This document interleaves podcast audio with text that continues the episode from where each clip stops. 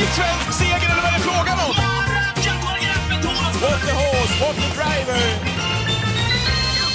Den här podden är väl inget fan utav att prata gamla spelstories när man liksom inte har fått full pott. Det finns ju, ja men det finns väl ett hav av sådana storiesar egentligen när man hör folk hur nära man är att vinna pengar, eller hur?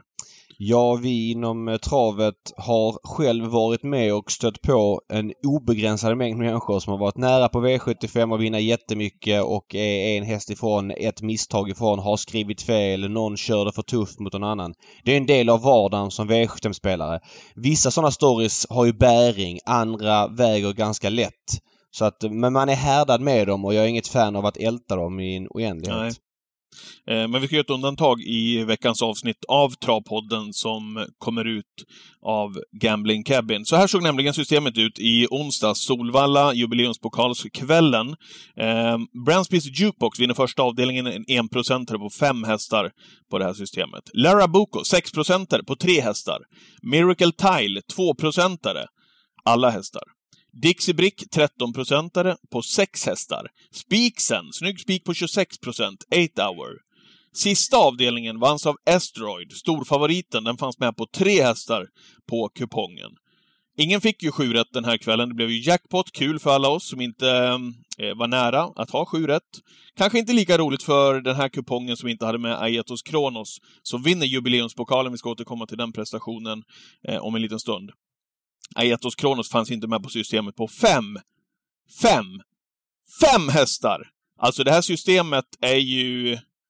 Ja, det är otroligt snyggt till att börja med, men det är ju förbannat bittert. Ja, men det är Systemet klart. tillhör dig, David. Ja, det var ju eh, mitt system, mitt största system på spel och lekkontoret. Jag vill verkligen betona bara att eh, jag hade tre system kvar efter 8 hour. Det var ju 13 kuponger kvar, 13 lappar kvar. Jag hade tre av dem. Men på två hade jag Speak Hail Mary Eh, och på en hade jag fem gånger tre kvar. Det är klart att det är otroligt surt att bränna eh, Aetos Kronos på, på fem hästar. Samtidigt tar jag ställning innan loppen körs eh, och gör V75-kupongen innan V71. Och då gör jag liksom en kupong som jag tycker ska vara slagkraftig. Eh, det jag vill betona är ju att jag hade till exempel inte med Reckless på 5 heller. Reckless spelar på 13 Jag fick med Brandsbys Jukebox där och i V76 så betalar jag ju för eh, Axel Rose, jag betalar för Upstate Face, jag betalar för Al One. Det är ju för att jag tycker att omgången... Och tog lite... även bort eh, Admiral As. Ja, det gjorde jag.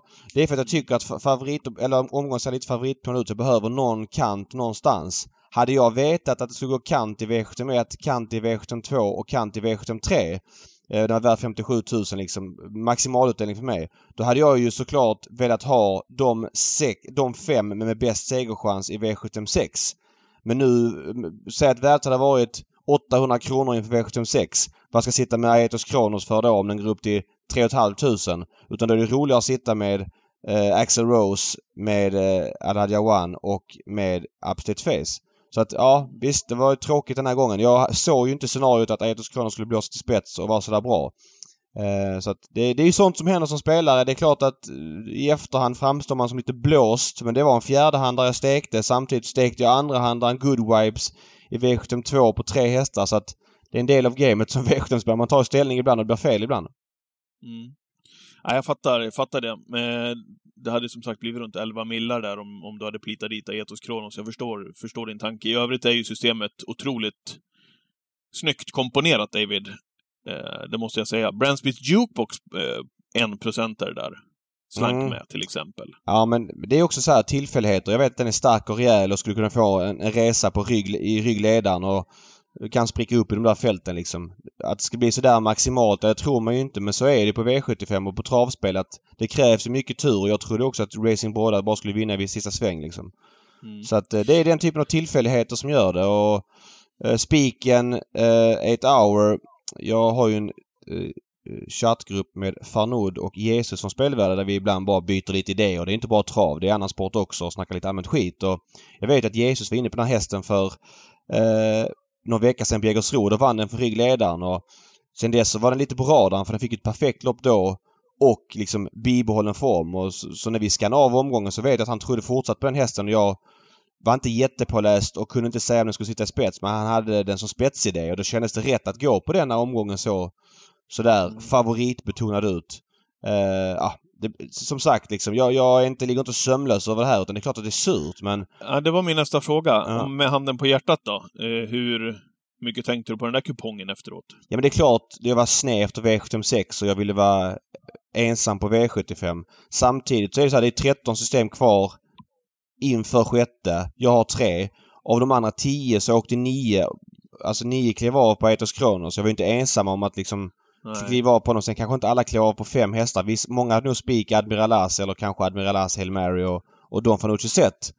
Eh, så att det var ett system kvar och det systemet måste jag också tycka att var otroligt surt. Det systemet kliver ju alltså av på 60 procentan Asteroid som inte var speciellt bra för dagen heller.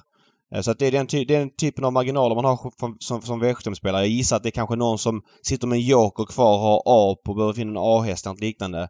På Boston Wise L som den har rankat etta. För jag tyckte också att Asteroid var lite överspelad faktiskt. Så att, eh, men trolig vinnare. Så att, ah, det där är som det är. Det där kommer hända ja. flera gånger. Många lyssnare har varit med om liknande scenarion. Det är klart att det är surt. Men just chansen att vara ensam är ju lite extra liksom. Och, och där det blir så här publikt system som det är med de här andelssystemen vi gör. Att alla kan se eh, lapparna. Det blir ju många som hör av sig liksom. Hade det varit ett eget ja, precis. system... Fick du någon respons, förutom ja, från mig då? Fick du någon mer, mycket respons där kändes som att halva, halva Solvalla började ringa mig efter tre lopp liksom. Jag är i Portugal ska betona, därför är ljudet lite ekande. Och halva Valla började ringa mig liksom efter tre lopp och, och säga bara lugn, det är långt kvar, ett hour ska vinna och sådär liksom. Jag, ja.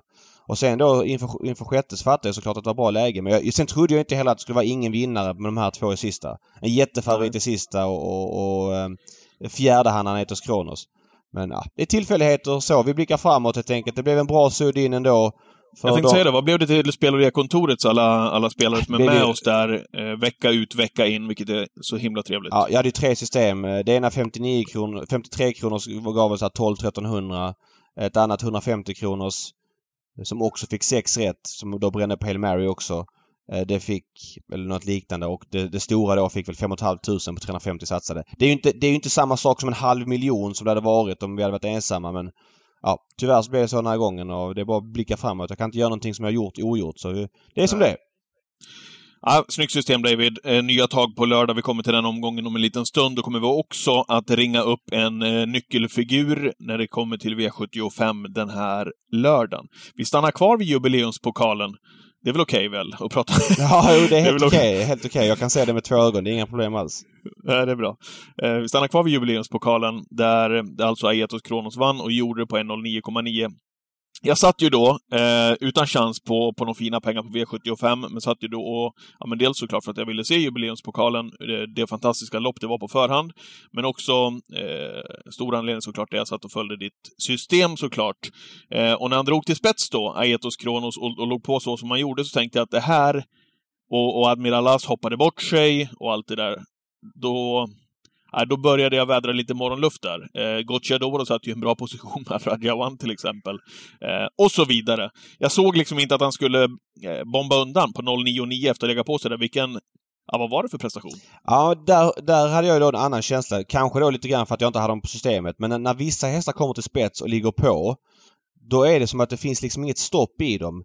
Eh, om jag ska gradera prestationer inom travet så är jag mycket mer imponerad av de här Ja men typ Varen Elitloppet 2001. Victor Tilly får varva på 11 säger vi att det gick. Jag minns inte vad det gick exakt. Och han måste springa 06 utvändigt sista fem för att göra det. Och han gjorde det. Alltså, när, de här, när hästarna blir stekheta i ledningen. Ja, det är klart Men att de... det var någonting med huvudlaget där va? Ja, det ramlade ner något huvudlag. Ner. Eh, det... Norsk eller ja. ramlade ner något liknande. Det är klart att det också är bra prestationer och, hästen visar att den har en otrolig kapacitet och den har gjort tidigare kondition och allt det där och det var liksom lite nytt med att han var så startsnabb. Men eh, jag har lite svårt att ta till med dem på samma sätt. Det, det, det känns lite grann som att efter sån prestation så brukar det komma en, en, en backslash om jag får säga så om vi pratar bra prestationer så gillar jag mycket mer Don Fanucci i Elitloppet när han går först i tredje spår i, i 700 meter och vinner på den tiden. Men som sagt, Etos Kronos fantastiskt. Övriga var ju inte i närheten. Det blir lite rumpugget. Dels när Hail Mary, ja, var är hans status egentligen nu? Nu har det varit lite för många så här flopp... Ja, vad säger du? Vad säger du? Vad säger ja, men jag är, det är värt att ta ett varv kring. Jag är orolig. Jag tror han måste börja om från noll här. Eh, hästen var ju inte redo för den uppgiften. Han har ju fått kanske för lite lopp i kroppen i år för att liksom... Nu fick jag ju tufft lopp och, och sådär. Det är inte så mycket att säga om men han var ju inte lika startsnabb som han var tidigare. Han galopperade lite oförklarligt efter 400 meter. Nu ställde han sig. Sen galopperade han som slagen igen på upploppet. Gick väl över passgång först och sen galopp. Och, jag menar Hail Mary var väl kanske den hetaste hästen inför travsäsongen 2021. Eh, han har ju hittills i år eh, sprungit in eh, 360 000. Jag menar, eh, det är ju tillfälligheter och hästar kan bli sjuka och allt kan hända bla bla bla. Men det är ju inget annat än ett stort misslyckande. Eh, 350 000 på den hästen. Eh, vi är alltså i, snart i slutet av augusti. Jo, det finns ju några stora lopp kvar men det finns ju inte de här... Många av de största penningstigningarna är över liksom. Det finns ju Sundsvallsloppen trots kanske men men där måste han vara mycket bättre om man ska duga. Så att, ja, jag tror Robert Berg eh, har men det lite var väl lite så. Vi pratade med Robert där också. Eh, men det var ju strul i Östersundsstarten där. Mm. Eh, Där tyckte jag att han gjorde, Bro- fattade många dåliga beslut. Att köra så offensivt med en häst som inte var liksom redo. Och när han blev så avklädd. Men okej, det må vara hänt. Sen gjorde han, såg han ju bättre ut på Danderyd när han vann men det var ju inte, det var ju långt I ett ifrån väldigt 100. billigt lopp, Mycket ja. billigt ja. lopp och det var ju långt ifrån 100. Det var ju det här dribblet inför med boots och inte boots. Och det var det ju i onsdags igen. Men det loppet, visst det förde fram honom såklart men det räckte väl uppenbarligen inte för att de skulle vara på topp. Nu vill jag betona att hästen fick ett tufft lopp och vinner väl kanske inte ändå. Men just galopperna, startsnabbheten och att han ändå är så pass stort slagen. Det känns som att han inte är där man trodde och när man då lägger till hur övriga säsongen har sett ut med ja, eh, andra pris. Eh, han var ju bra på Umeåkern av utvändigt om Don Fanucci men han vann ju inte på Åby som stor favorit och sen så floppade han då Östersund. Och så vann han då det billiga loppet i Boden. Det är ju de fem starterna han har gjort ju. Så att, eh, nej, där är det lite Ja, frågetecken. men där, där har nog Robban lite grann att fundera på. Ja, men- vi, jag tyckte det, det, det är väl ett utav de, de mest spännande intervjuerna tycker jag vi har gjort i den här travpodden i alla fall, när vi gjorde eh, Robert Berg och pratade väldigt mycket om Hail Mary, när man fick höra Roberts tankar också, hur svår han är, Hail Mary. Eh, visst, du kallar det lite grann för, inom citationstecken, dribblet liksom inför loppen, men det är ju på den nivån vi är när det gäller Hail Mary också. Mm. Att det är de här finjusteringarna. Vad kan jag göra för dagen? Vad kan jag inte göra för dagen? För att komma rätt just till loppet som ska starta om tre minuter. Ha, Det är ju där vi är på Hail Mary. Ja, men så och är när det. det inte funkar och han inte är i, är i fas, då förstår man efter Roberts snack också att ja, men det, det är inte alldeles enkel häst att hålla på med det här. Nej men så är det och eh, han är ju inte i närheten av vad han var dels från derbyt och framåt förra året. Det var ju Breeders Crown semi när han käkade upp Brother Bill i sista sväng och Breeders Crown när han var alltså urläcker och vann enkelt på, på Eskilstuna. Han är en bit därifrån. Sen vill jag också prata lite Don Fanucci sett. Där är det ju ett tydligt, alltså han var ju vässad för Elitloppet, det sa ju Redén. Det var en stora mål och då var han så sjukt bra. Sen har det varit lugnare efter det. Det var ju den här starten i Rättvik där han inte slog Brother Bill och så nu kommer han till det här loppet. Såklart Nej, men, det, och det, det la ju Örjan upp Ja, efter det också. Ja, det var ju, såklart det inte, inte lika vässad som för Elitloppet. Gör fortfarande en grym prestation men ser ju seg ut 500 kvar och lyckas ändå slugga sig till ett andra pris. Jag menar, Det är starkt gjort ifrån den positionen. ja men så är det. Där han Alltså, satt. Mm. Eh, där är det så här, Don Fanucci Zet var ju toppad för ett lopp under året och det är svårt att göra många toppar. Jämför det med Aetos Kronos som var med i Prix d'Amérique som sen var toppad inför eh, Paralympiatravet som sen var med i Elitloppet. Alltså han har varit med i hur många storlopp som helst under året och är som bäst nu liksom. Eh, ja. Uppenbarligen kan man ta olika resor till formtoppen. Det är en sak som är säker. Ja, och det har vi ju sett med all tydlighet. Och det är precis som du säger. Anledningen till Don Fanucci sätts... Det var ju många spelare jag hörde då i Rättvik när, när Örjan satt liksom. Men han valde det upplägget. Han visste att det var jubileumspokalen som väntade betydligt viktigare lopp Mm. än att slå Brother Bill i Rättvik. Ja. Eh, och där eh, försöker man bygga då Don Fanucci inför ja, men så nära bra form, toppform man kan komma eh, inför jubileumspokalen efter Elitloppet och allt det där som har varit. Det är ju som du säger, Aetos Kronos, det är ju inte bara heller att han har varit ute i de här loppen. Eh, han har ju ofta fått göra den tunga vägen. Han har ju liksom fått tunga resor väldigt många gånger. Det är ju liksom ingen häst som har fått ja, men ledningen och få pinna på det framme. Det, det var den känslan jag fick i onsdags att Visst, huvudlaget eh, trillade ner, var det på ena sidan där på norska. Mm. Eh, ska låta det vara osagt. Men eh, det, det såg ju nästan ut som han sprang också i ren lycka av att slippa göra dödens jobb eller springa i tredje spår eller Ja, så som det har sett och, ut många gånger också. och hur många, Men häst, dig. hur många hästar kommer vi ha som är dubbla E3-vinnare och sen vinner eh, jubileumspokalen? Alltså de hästarna som är E3 numera, de, alltså även då under tiden när Aetos Kronos var tre år, de är ju liksom nästan chanslösa på resten av storloppen för att framförallt korta E3. Han vann ju det från dödens på By the Book och var hur bra som helst. Alltså att gå den, ta den trippen Treåringseliten, Elitloppshelgen, dubbla E3 och sen fortsätta vara bra som fyra och femåring och vara med i de loppen han varit med i. Eh, men alltså Jerry Roden har ju den matchningen. Eh, jag vet, kommer ihåg Ringo Starr Treb. Han var ju inte sådär peppad för ett lopp utan han fick bara bomba på med loppen liksom och blev bättre ju tuffare lopp han fick känns det som. Eh, medans då Don Fanucci gärna ringer den och många andra tränare, vet Nurmos vet, gör, gör så till derbyt också och, och Svante Båth är också duktig på toppar för stora uppgifter. Och Robert Berg ska vi inte prata om, Hail Mary. Där är det liksom att man gnuggar, gnuggar, gnuggar för att få dem på topp. Det är ett lopp liksom. Sen blir det ju en liten rekyl på det. Men Riordens hästar de kan ju liksom starta på och få tuffa lopp och bomba på liksom. Det är ju en annan filosofi helt enkelt och det verkar det låter, funka. Ja, det låter ändå inte som att du är lika imponerad som mig av prestationen. Jo, men det, det, det, det, är jag, men så här. Jag, jag gillar ju mer när det är något finlir bakom. Nu blir det så här, okej, okay, en norsk ramlar ner på ena ögat och han blir het. Det var ju inte en del av planen. Sen att han klarar den då, ja det säger ju mycket om hur bra han är. Så jag tycker hästen är fantastisk, det är inget snack ju. Men det blir lite skeva faktorer när liksom, okej, okay, norsk ramlar ner, han blir stekhet, 06 första fem. Uh, och, och sådär och bara, bara, bara bomba undan liksom. Alltså, ja men femstjärnig insats, inget snack om saken. Men det känns som att det fanns lite andra faktorer inblandade där. Men lite sådär det blev liksom lite, lite tur i oturen att han klarade sig. Det var inte det här finliret. Så jag kan känna. Nej. Och att han har liksom matchat så tufft som han har gjort. Eh, varit med. Men det ger ju också hårdhet å andra sidan så det finns ju för och nackdelar med allting. Eh, blev loppet annars då, vad du, vad du tänkte rent sportsligt på, på förhand? Det var ju en hel del galopper. Upside Face hoppade, Gus Meras hoppade, Hail Mary galopperade, mm. Excel Rose hoppade. Admiral As hoppade. Ja. Det var, Nej, men det är klart det var fem att det är... felfria innan det var klart. Nej, det är klart att det är tar ju udd ur loppet, så är det ju. Det är ju jättetråkigt. Men det är, det är ju liksom små marginaler när det är de här stora loppen. Jag tyckte det såg ut som att Axel Rose blev påkörd också från start. I alla fall att clickbait bröt ner lite grann. Uh, och Admiral Asta läste jag någon intervju i Travronden med Reo Liljendahl som sa att han hade snackat med Mats Djuse som sa att han bromsade sig i galopp.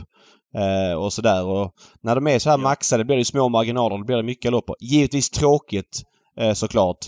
Men ja, det är en del av gamet och det var lite samma sak med Åby Stora Pris i lördags. Det blir lite kanske rumphugget när det blir liksom en häst i ledningen och sen så visst, även om det går fort så, så blir det inte den här dramatiken. Men det är klart, jag menar, går det så fort i loppen så finns det ju dramatik ändå. Men ska han klara det ska han inte klara det. Så att, ja, bra upplaga men det är klart det var inget super super bra lopp som man trodde det kunde bli men, men fortfarande bra. Det tycker jag. Så vill jag säga det också att eh, Anders Malmroth delade ut två wildcard här. Eh, nu hade ju Hail Mary kommit med ändå på poäng men Eidos Kronos hade inte gjort det. Han hade inte poäng för att vara med egentligen. Men fick ett wildcard av Anders Malmroth och det tycker jag han ska ha en eloge för. Och det, det är lätt att säga i efterhand att det är givet att dela ut wildcard och sådär men det är ändå två hästar man plockar bort då. I det här fallet var det en häst. Jag tror det var Sweetman som var först utanför. Jag ska ja, låta mig osagt. Men att Aedos Kronos så det var ändå rättvist och rätt häst som fick wildcardet så det ska Malmroth ha en eloge för. Ja. Annars brukar det bli, det blir, det blir ofta mycket snack om den wildcardsen, men det är ja, med facit i hand också då, så... Ja, men vi... ja och den hästen han är också givetvis ja, såklart. Ja, men vi vill ju se bra sport. Alltså ja, det, det, vissa lopp kan inte vara förbehållet liksom att man ska kunna matcha in. Sorry. Eh, Aetos Kronos liksom drar mer intresse än vad Sweetman gör, så är det bara. Och i ett sånt här lopp då ska Aetos Kronos vara med och inte Sweetman. Det, det, det förbehållet måste sportchefer ha liksom när det är de här största loppen. Det tycker jag inte snack om saken. Åby Stora Pris i Wennerblad förra ja, lördagen. Vi, vi, måste bara Jaha. summera dagen lite mer. Uh, jag vill bara Jaha, du, hade, du hade mer, mer ja, att klämma ur? Miracle Tie liksom. Trond Bullen Andersson gick bort här för några veckor sedan. Christian Malmin har tagit över träningen. Får vinna eh, EM för ston med en miljon till vinnaren. Snyggt körd av Erik Adielsson. Det är en story i sig som man måste lyfta fram. Eh, sen vill jag bara eh, poängtera. I det loppet fick alltså Sibylle Tynter två hästar strukna. Tvångsstrukna för att hon inte var i tid till Solvalla. Eh, och eh, ja, Mm. Kate Baldwin och Namanga. Ja, de har väl så här, vet du ett attention ban eller detention ban eller vad det heter. Där hästarna ska stå i ett visst stall en viss tid innan när det är stora lopp. Eh, och Sibyl Tinter, det står i propositionen. Eh, hon hade fått ett påminnelse-sms men kom ändå sent. Hon skulle vara klockan fyra och kom ja, halv sex tror jag det stod. Lite osäker. men Hon var minst en halvtimme sen i alla fall. Det vet jag. Eh, och, eh, och då tvångsstryk. Hon säger ju att ah, mina hästägare blir förbannade men sorry. När det är de här loppen så måste det här bara funka. Det finns liksom inga ursäkter tycker jag. Eh, utan ja, slarvigt, skittråkigt för hästägarna men det är Sibylles ansvar att vara ute i god tid när de här loppen och de här reglerna tycker jag är skitbra att vi har. Att hästarna är liksom bevakade sista timmarna in. Uh, så att ja, det är en tråkig, tråkig incident. Hon lär sig förmodligen av det men det är ja, klart. Att, ja. Och sen vill jag bara säga eh, någonting, alltså det, det låter som en fars till det här podden när vi pratar om det. Men jag följer tävlingarna via ATG Live. Eh, man vill ju bli serverad bra sport, bra snack och sådär. Eh, ja men det är helt sjukt alltså. Vi var inne på det förra veckan och återigen. Man har alltså från att V75 börjar då har man en intervju som rör loppen i efterhand. Alltså man följer upp ett lopp. Till exempel V71 går i mål. Då tycker jag det är intressant att prata med Robert Berg. Vad hände med galoppen 900 kvar? Den var ju ganska avgörande. Kortis med Rickard Skoglund. Tror du skulle vinna i sista sväng? Ja, jag trodde det var klart. Och sen kan man släppa det liksom. Att ha den uppföljningen ja, men i varje lopp eller där det behövs. För att sports, den sportsliga kvaliteten är så hög. I onsdags gjorde man det efter ett lopp. Man intervjuade Magnus Djuse efter att han hade vunnit jubileumspokalen. Inget annat. Man följer alltså inte upp storyn med eh, eh, Miracle Tile där med, med, med förmodligen lite tårar och sånt. Man har liksom ingen feeling för livesändningen. Efter något V75-lopp, ja då kör man Prins Tagg när han vann jubileumspokalen 2011. Alltså snacka om att ha noll journalistisk känsla och noll nyhetsvärdering när man har all tid i världen. Jag vill betona det. I tv-sändningen är det reklam och sånt som styr. I liven har de alltid. De kan göra vad de vill. Bara plocka in intervjuerna, snacka ner loppet. I jubileumspokalen, hur många intervjuer vill du inte ha? Jag vill ha med alla kuskar. Vad hände med Admiral As? Vad hände med Hail Mary? Vad hände med eh, Clickbait? Varför galopperade Axel Rose? Eh, Don Fanucci Zet vann inte lika bra som Elitloppet. Alltså du vet, hur många öden och stories som finns. Men man fokuserar på något helt annat. Sen ska jag säga det, efter V75 när 90 har slagit av liven, ja då kommer Jerry Riordan från V75 Direkts vinnarcirkel då liksom lite så sent och inför lopp 12 som eh, väldigt få bryr sig om. Ja, det, är för, det är för dåligt bara. Det måste bli en ändring på det här. Vi måste kunna respektera sporten. Självklart kan man inte ta hem varje lopp alltid. När det är lunchtrav och sånt, ja, då är det inte lika intressant. Men när det är den här sportsliga kvaliteten som det var i onsdags, då måste det finnas en journalistisk vilja och ett intresse att ta hand om loppen. Eh, alltså det är, jag, jag fattar inte det. Det är 20 minuter mellan varje lopp. Hur kan man inte hitta den vinkeln?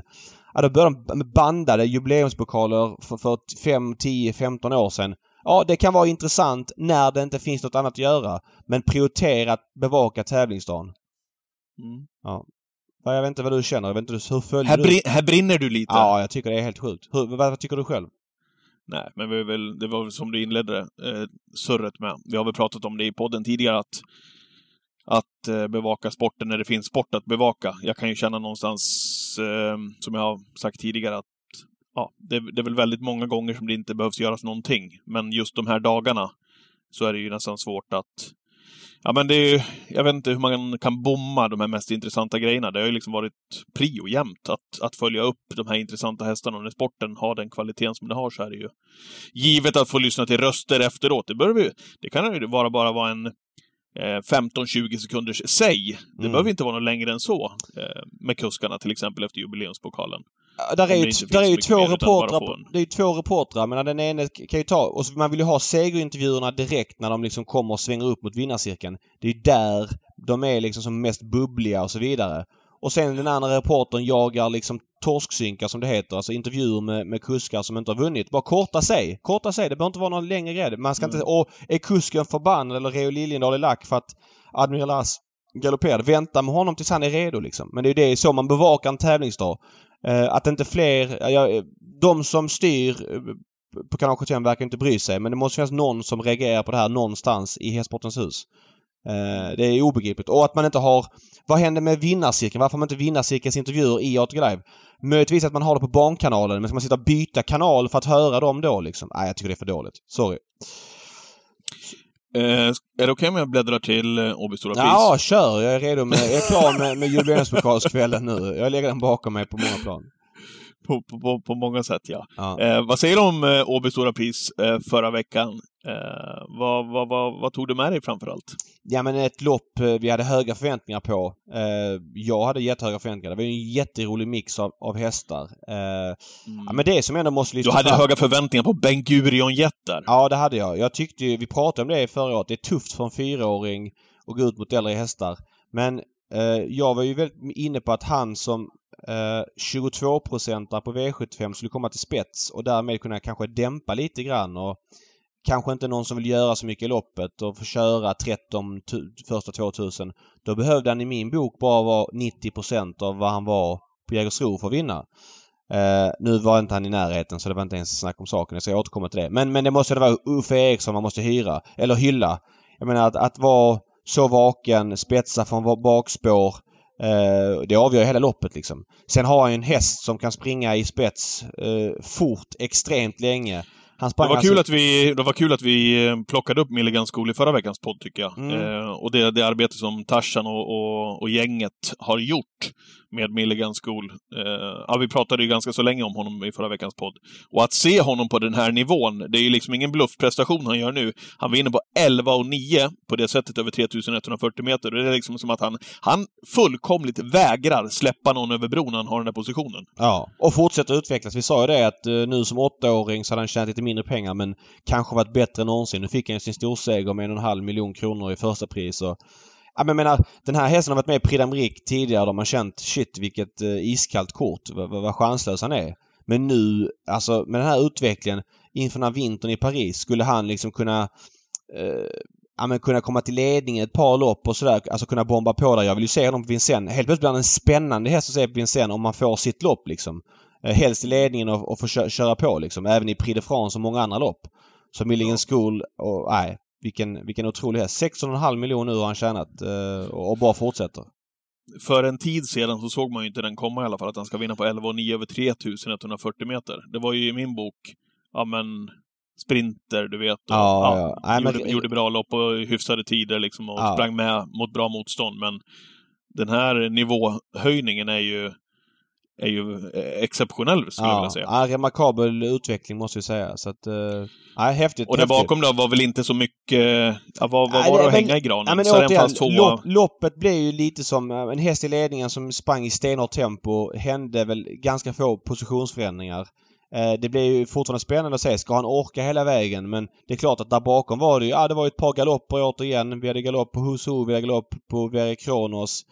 Eh, sen var ju floppen för mig, det var ju Ben Gurion Jet.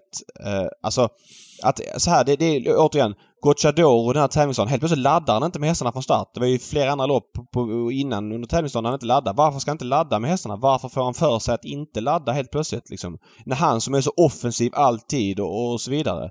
Om man är med i det här loppet. Sen lyckas han ändå byta ut ett rygglopp mot dödens. Alltså otroligt konstig styrning på flera ställen. Dels från start men även liksom efter ett par hundra meter när han liksom hamnar i dödens.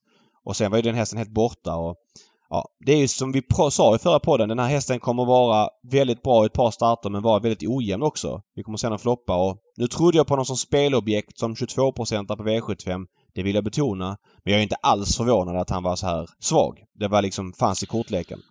Eh, och tufft också ju att ta ut honom, det var vi ju inne på. Ja, eh, också. Även om du, och när, ja. när du faller, faller då till, till, till spelet där på 22 procent så är det ju det du tar hänsyn till. Att, han, att du tycker att han borde vara mer spelad med tanke på prestation innan och så vidare. Ja. Men eh, ändå möter de här hästarna över tre varv. Matchningen är ju inte jättelätt heller. Nej, alltså som objektiv eh, travåskådare så vill man ju se de bästa hästarna. Jag tyckte det var skitkul inslag i det här loppet. Oh, vad kul med Ben Gurion Jet, vad han kan uträtta här liksom. Verkligen. Men hade jag ägt den så hade det varit vansinnigt för att vad är det för match matchning på lång sikt. Hästen är fyra år och ska springa tre varv och ja, kommer bli en rejäl tömning liksom. Men alla tränare matchar olika och sådär och jag tyckte det var spännande att se dem i loppet men med facit i hand så, ja, pannkaka blev det. Så är det.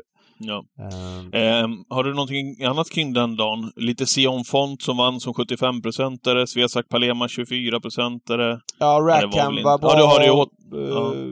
Väldigt bra. Um, Born Unicorn, hur bra är den hästen? Den bara bombar på och är hur bra som helst liksom. Det måste bli ett in, mycket intressant tillskott i högsta eliten. Han verkar kunna bli bättre ju tuffare lopp han får. Uh, ja. Så att uh, det var väldigt bra sport uh, överlag på Åby i, i lördags. Eh, uh, Schweizer Palema var, var jättebra också. Um, ja. ja, men det var Oracle Tiles, snyggt kört av Örjan där. Konstig galopp på Maestro Crow. Han är ju speciell den där hästen har vi förstått och kommer tillbaka och är ändå tvåa i mål. Bra sport överlag. Spelmässigt iskallt som det kändes lite på förhand. Eh, men ja, då blir det då den här dubbla jackpotten till lördag istället. Och apropå det, är du, är du redo där du sitter? Vart sitter du? Sitter du och tittar ut över havet i Portugal? Är jag med V75 surr? Ja, jag, jag, ser faktiskt eh, havet, gör jag, från mitt fönster. Men eh, mm. jag har också en brandstation nedanför, så om det är några konstiga ljud så är det den som gör sig påmind.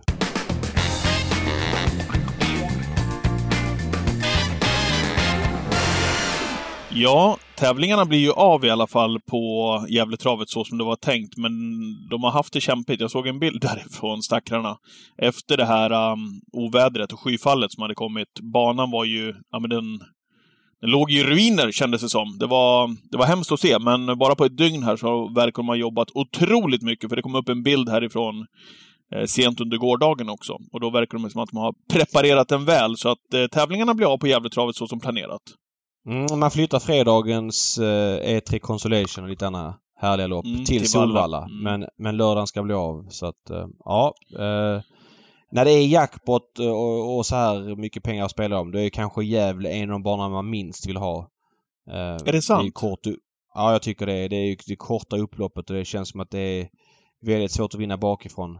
Eh, men eh, det är klart, är banan lite strulig, även om den kanske, de får till den men inte helt hundra, så är det ju Alltså spelmässigt positivt just den här omgången. Sen ska ju inte hästarna fara illa utan det ska fortfarande vara skonsamt men det gör inget om den är lite tung.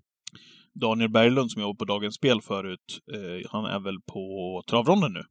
Han myntade en gång i uttrycket när det gäller Gävletravet när vi satt och åkte dit när vi var yngre.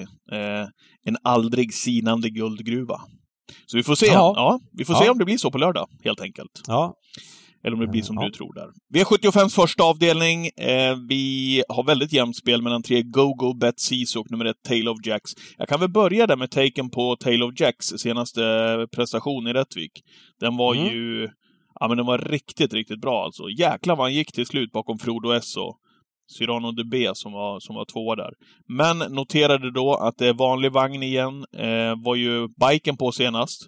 Fick ju Mm. onekligen effekt och har gått med, med vanlig dessförinnan. Så att det känns lite sisådär. Jag fattar att det, ja, nu är det voltstart och, och, och det där, men det hade varit det hade varit härligare med biken såklart och, och bilstart på Tail of Jacks med tanke på den effekten som man fick senast. Men, men formen är ju verkligen kanon och läget är ju där. Det var, det, det var lite sisådär. Mm. Uh, ja men jag tycker Gogo Bet precis så är... Så, är det, jag så är det tycker- tre gånger. Nej men jag vill ha en skön övergång. Mm. Han är ju så otroligt bra för den här klassen fortsatt men han är ju väldigt ojämn och, och galopperar på konstiga ställen i loppen och sådär. Eh, är han, alltså som 22-procentare känns ju han något man kan gå på i sånt här lopp där man... För här, här är det så här, här får du liksom... De fyra, fem mest spelade känns liksom som att det är väldigt bra chans. Och då, då ja, ja visst du kan ödsla fem streck och få eh, en, eh, en andra handlare. Men ehm, ja, det är inte riktigt koppla grepp. Jag vet inte man måste koppla grepp i varje lopp heller. Det måste man inte när det är så mycket extra pengar att spela om. Men jag tycker att han är lite intressant i ganska låg procent. Han möter ändå hästar han normalt sett slår om man har en hyfsad dag. V75s andra avdelning E3-final eh, och jättefavorit blir Francesco Zet. Ehm, um, var ganska så orutinerade Francesco Zet, men som imponerade så stort på Romme senast. När han kom ut i värmningen där alltså, då fick jag, en, då fick jag lite gåshud, för det visar ju också vilken, vilken häst det här är. Och sen i loppet så var det ju Ja, briljant insats helt enkelt. Ehm, men nu blir han 72-procentare. Vad göra? Ja, och det stod in spåren på Gävle är ju lite bökiga. Eh, och Örjan är inte den som alltid kastar linan från start och skulle någon ta sig förbi, ja då kommer han få gå utvändigt. Eh, jag är ändå sugen på att gardera. Det är så mycket hästar, pengar att spela om och det är ganska orutinerade hästar fortsatt. Man hör ju att Redén håller den här hästen väldigt högt men vi skulle ha med Per Nordström här men vi, vi skulle ta honom på volley men han hittade inte sitt Skype-lösenord. Jag pratade ändå med honom och han sa ju att han kommer ju ladda järnet med Felix Orlando. Jag frågade varför han inte var lika bra senast. Han sa att han har haft en lugn period och Per var lite osäker på var han var formmässigt men ska vara bättre den här gången. Eh, jänkarvagn den här gången. Igen senast var det vanlig vagn. Han kommer i alla fall ladda. Eh, det är klart att Francesco Zet kan plocka ner Felix Orlando från döden och sådär men skulle han inte få spets Francesco Zet så är det en bökig uppgift och då är det många där bak som ska vinna. Kan det vara dags Felix för min Orlando polle? Kan det vara dags för min Ja. polle nummer sju? Ja, det kan vara dags för en Polle. Han kostade mig några kronor när han vann på Solvalla senast faktiskt. Mm. Eh, men eh, det kan absolut vara dags för honom. Du har hållit honom i land, handen ganska länge nu. Jag har gjort det. Och nu är det bike och barfota runt om. Om man vill ha Mm. någonting i kanten. Ja, Chipper sen Kronos alltså, nummer sju. Det är lågt på, låg procent på Ambrosius som var väldigt bra i Björn Goops regi senast. Han vann ju det loppet som Felix Orlando halvstannade i ledningen och nu ska han lätta sig i balansen till barfota fram gentemot senast. Han har gått runt om tidigare men nu då är det nya regin. Det känns som att, ja men lite intressant i 6% Jag var på ponnytrav förra lördagen eh, och träffade ägaren till Million Dollar Rhyme. Vi ses väldigt ofta på ponnytrav. Vi har, vi har Jag har en dotter som kör. På är det han Christian Olofsson? Mm, mycket trevlig man. Mm. Ja. Eh, och han har en grabb som kör. Och ja. eh, då pratade vi om Million Dollar Rhymes insats där som han gjorde i, i Rättvik. Och, och när jag sa att att, att jag tyckte att eh, Million Dollar Rhyme höll ihop eh, aktionen 100% hela vägen in i mål senast på den där tiden också. Han har haft en tendens, kan jag tycka, ibland att falla ur lite grann den sista biten. Um, även om han oftast svarat för bra prestationer så tyckte jag att det, det, var bättre än någonsin senast. Och då sa han, ja, vad kul att du säger det, för det tyckte Fredrik också. Att han är, han är fräschare han är bättre än vad han, vad han någonsin har varit tidigare. Apropå då att ta de här loppen på rätt sätt som han har varit ute i de, de tuffa racen. Men 2-6 nu, David. Ja, Erik, han har Erik SM på 2-6. Ja, jag vet. Erik fick effekt senast. Han är ju ruggig, han sätter sig upp. Det har vi sett många gånger bakom snabbloppare som man inte har stiftat bekantskap eller kört så ofta tidigare. Så att eh, det hade sin effekt, tror jag. Visst, mm. han klarar 2-6, men jag tror inte att det är favoritdistansen.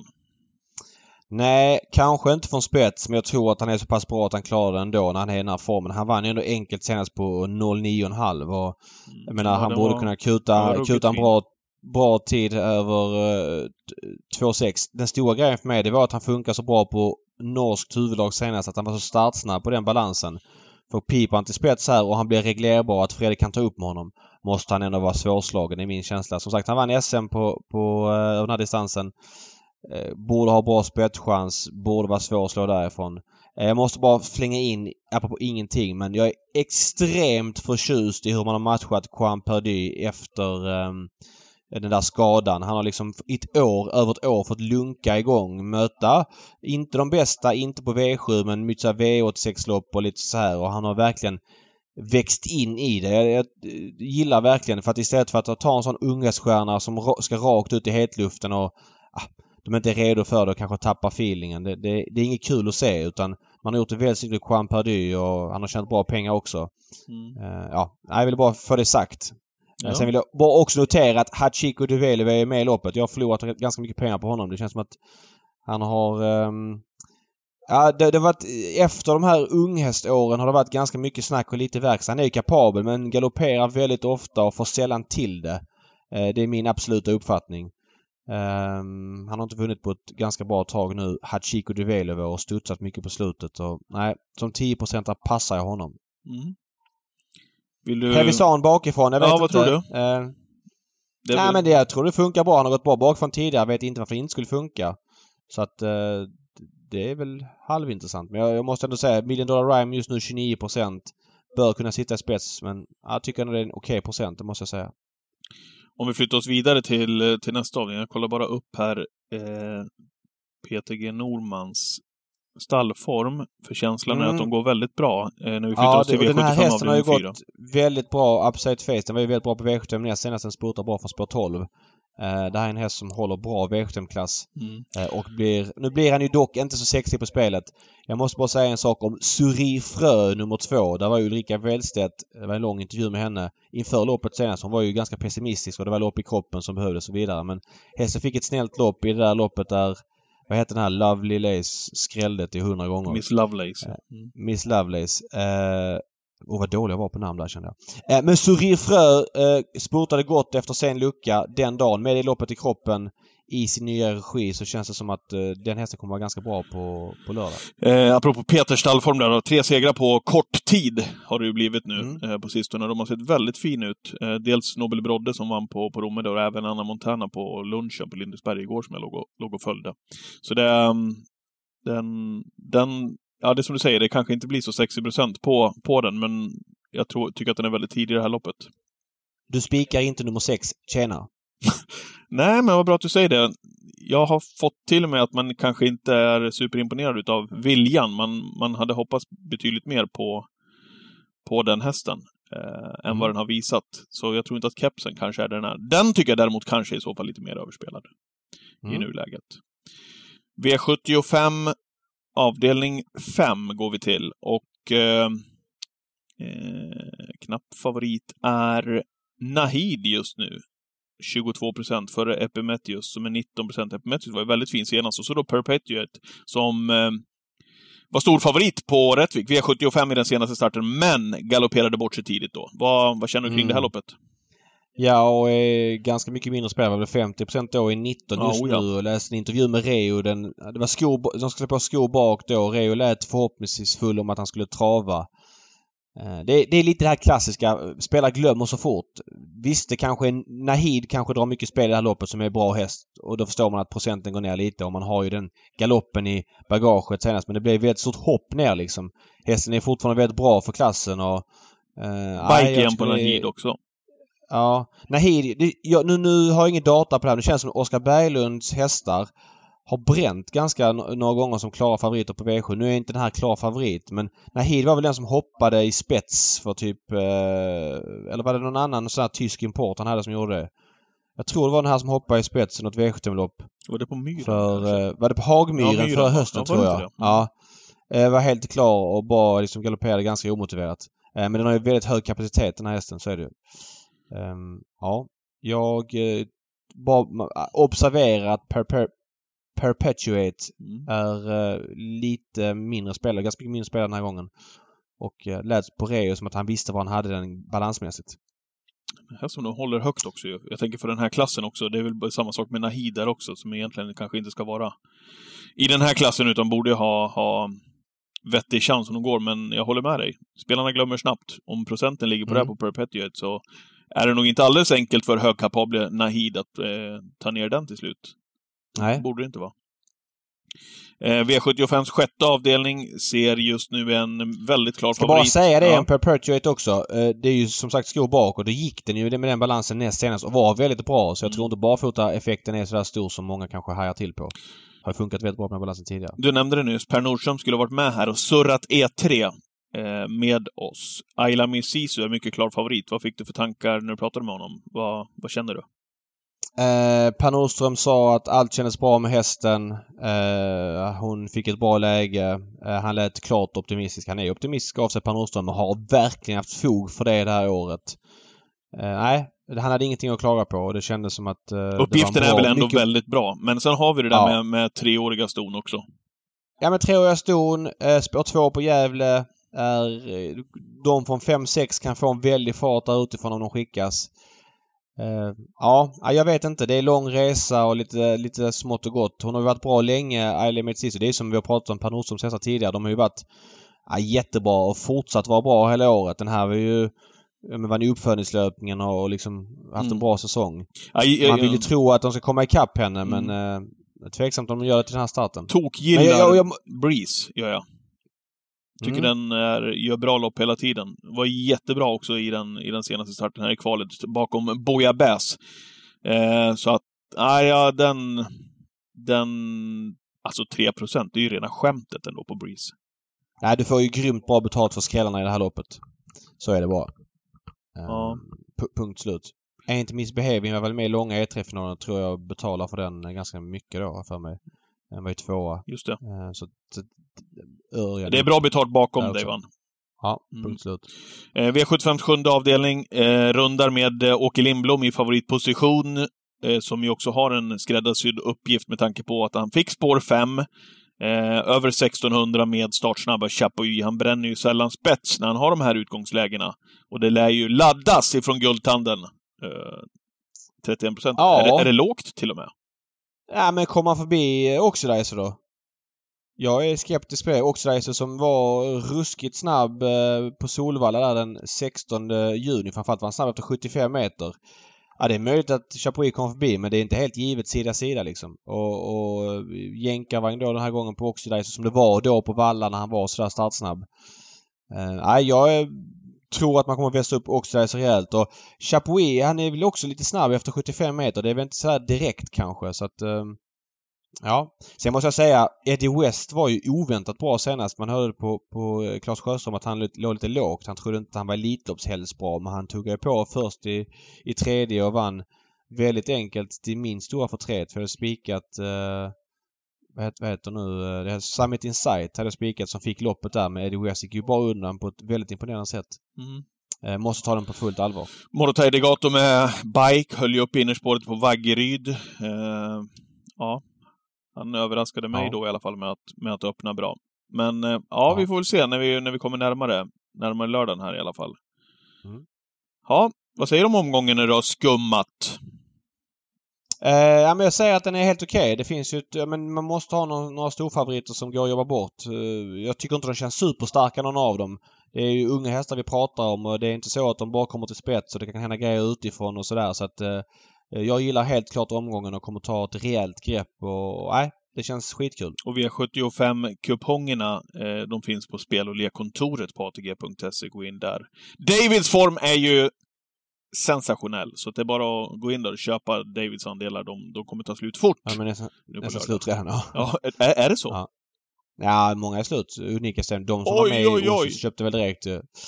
Så att, eh, ja. Ribban ligger högt. Svårt att hoppa över den, men vi ska göra vårt bästa. Fallhöjden finns där, David, nu. Mm, så är det. Du har blåst upp ballongen. Okej, ska vi eh, runda, tycker du? Det gör vi. Vi kör en hiss och diss.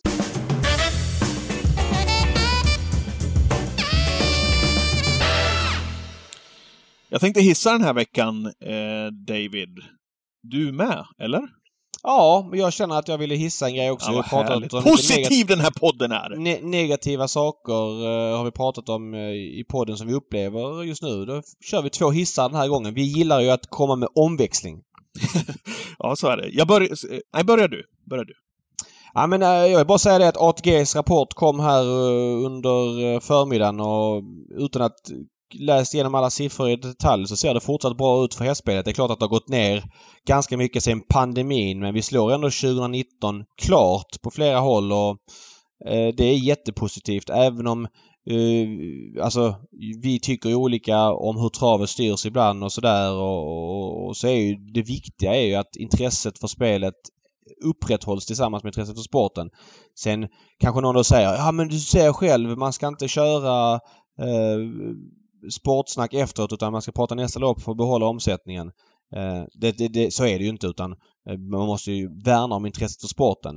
Eh, oavsett vilken väg man tar sig fram så är ju pandemin gav oss ju väldigt mycket nya spelare som ja, spelar på trav när travet var den enda som fanns under 2020 och det är naturligt att ett gäng av dem har droppat av men det är ändå en betydande del som är kvar. Eh, för att travet som produkt är väldigt bra. Och jag vill verkligen säga det att det finns ju travet som spelform. Det vilar ju på de här grejerna att det är spelsäkert, att det är bra och lättillgänglig information.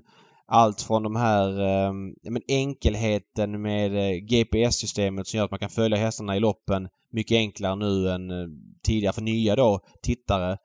Eh, det är väldigt bra faktorer för att liksom eh, nivån ska hållas uppe. Sen återigen, det är en dipp mot 2020 men det är mycket väntat såklart. Vi är inte ensamma på marknaden längre. Vi får se hur det ser ut senare i höst. Mm. Men positivt är att siffrorna ser bra ut och det är väldigt glädjande för att um, det är dyrt att dra runt den här cirkusen och många banor behövs rustas upp och det gör det inte om det gör det inget om det trillar in några kronor från det hållet. Nej.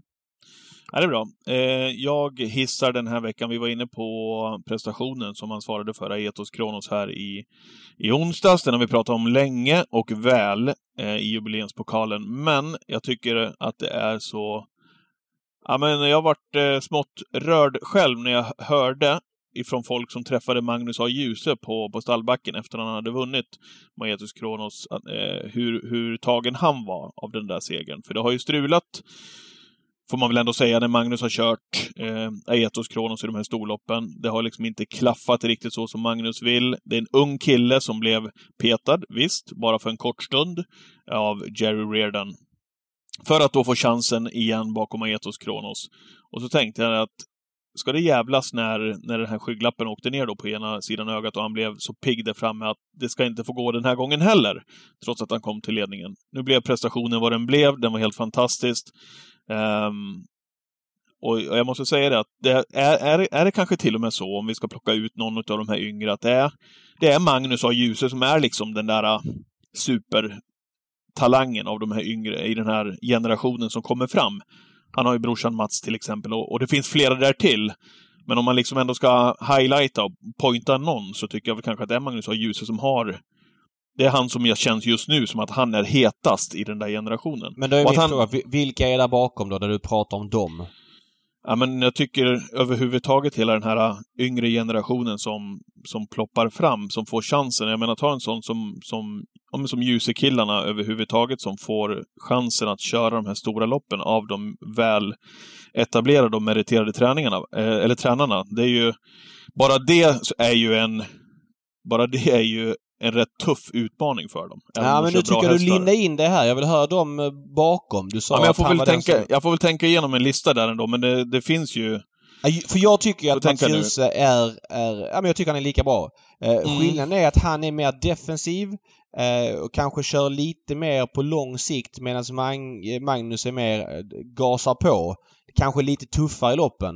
Men jag tycker Mats Djuse har fantastiska körhänder och... Nu, nu var inte, jag, jag menar inte att han var mycket, nej, nej, men jag, jag fattar det. Och jag vill bara boll, nej, jag fattar det. Men jag tycker kanske att Magnus har fått köra lite bättre hästar än vad Mats har fått. Men jag, jag, jag ser ingenting som tyder på att Mats är sämre. Kanske att Mats behöver tuffa till sig lite grann i loppen för att nå en nivå till. Men, eh, nej, jag tycker jag är grymt imponerad av båda två. Eh, ja, jag, alltså, jag tänkte säga också att, att, att bli, ja, det, var, det var som du sa innan podden här, innan vi började spela in. Ja, ja, petad. Han var ju inte han var inte petad från Jerry Reardon i, i, Nej, i två månaders tid. Liksom. Sarien Fas i, i lördags ja. var det ja. Så att... Eh, men, men också för en ung kille som är på väg fram, som har fått chansen av Jerry att köra och sen fått ta ett steg tillbaka för en kort stund och sedan komma tillbaka och vinna. Jag tycker att det var, det var, det var mäktigt och otroligt kul för Magnus A. Djuse. Så att jag vill, jag vill jag vill hissa det och jag tycker det var otroligt kul att han fick vinna. Och så får ja. jag till uppgift då, till nästa veckas podd kanske, att, att ta ut en, en liten kategori av, eh, göra en lista på unga, kat,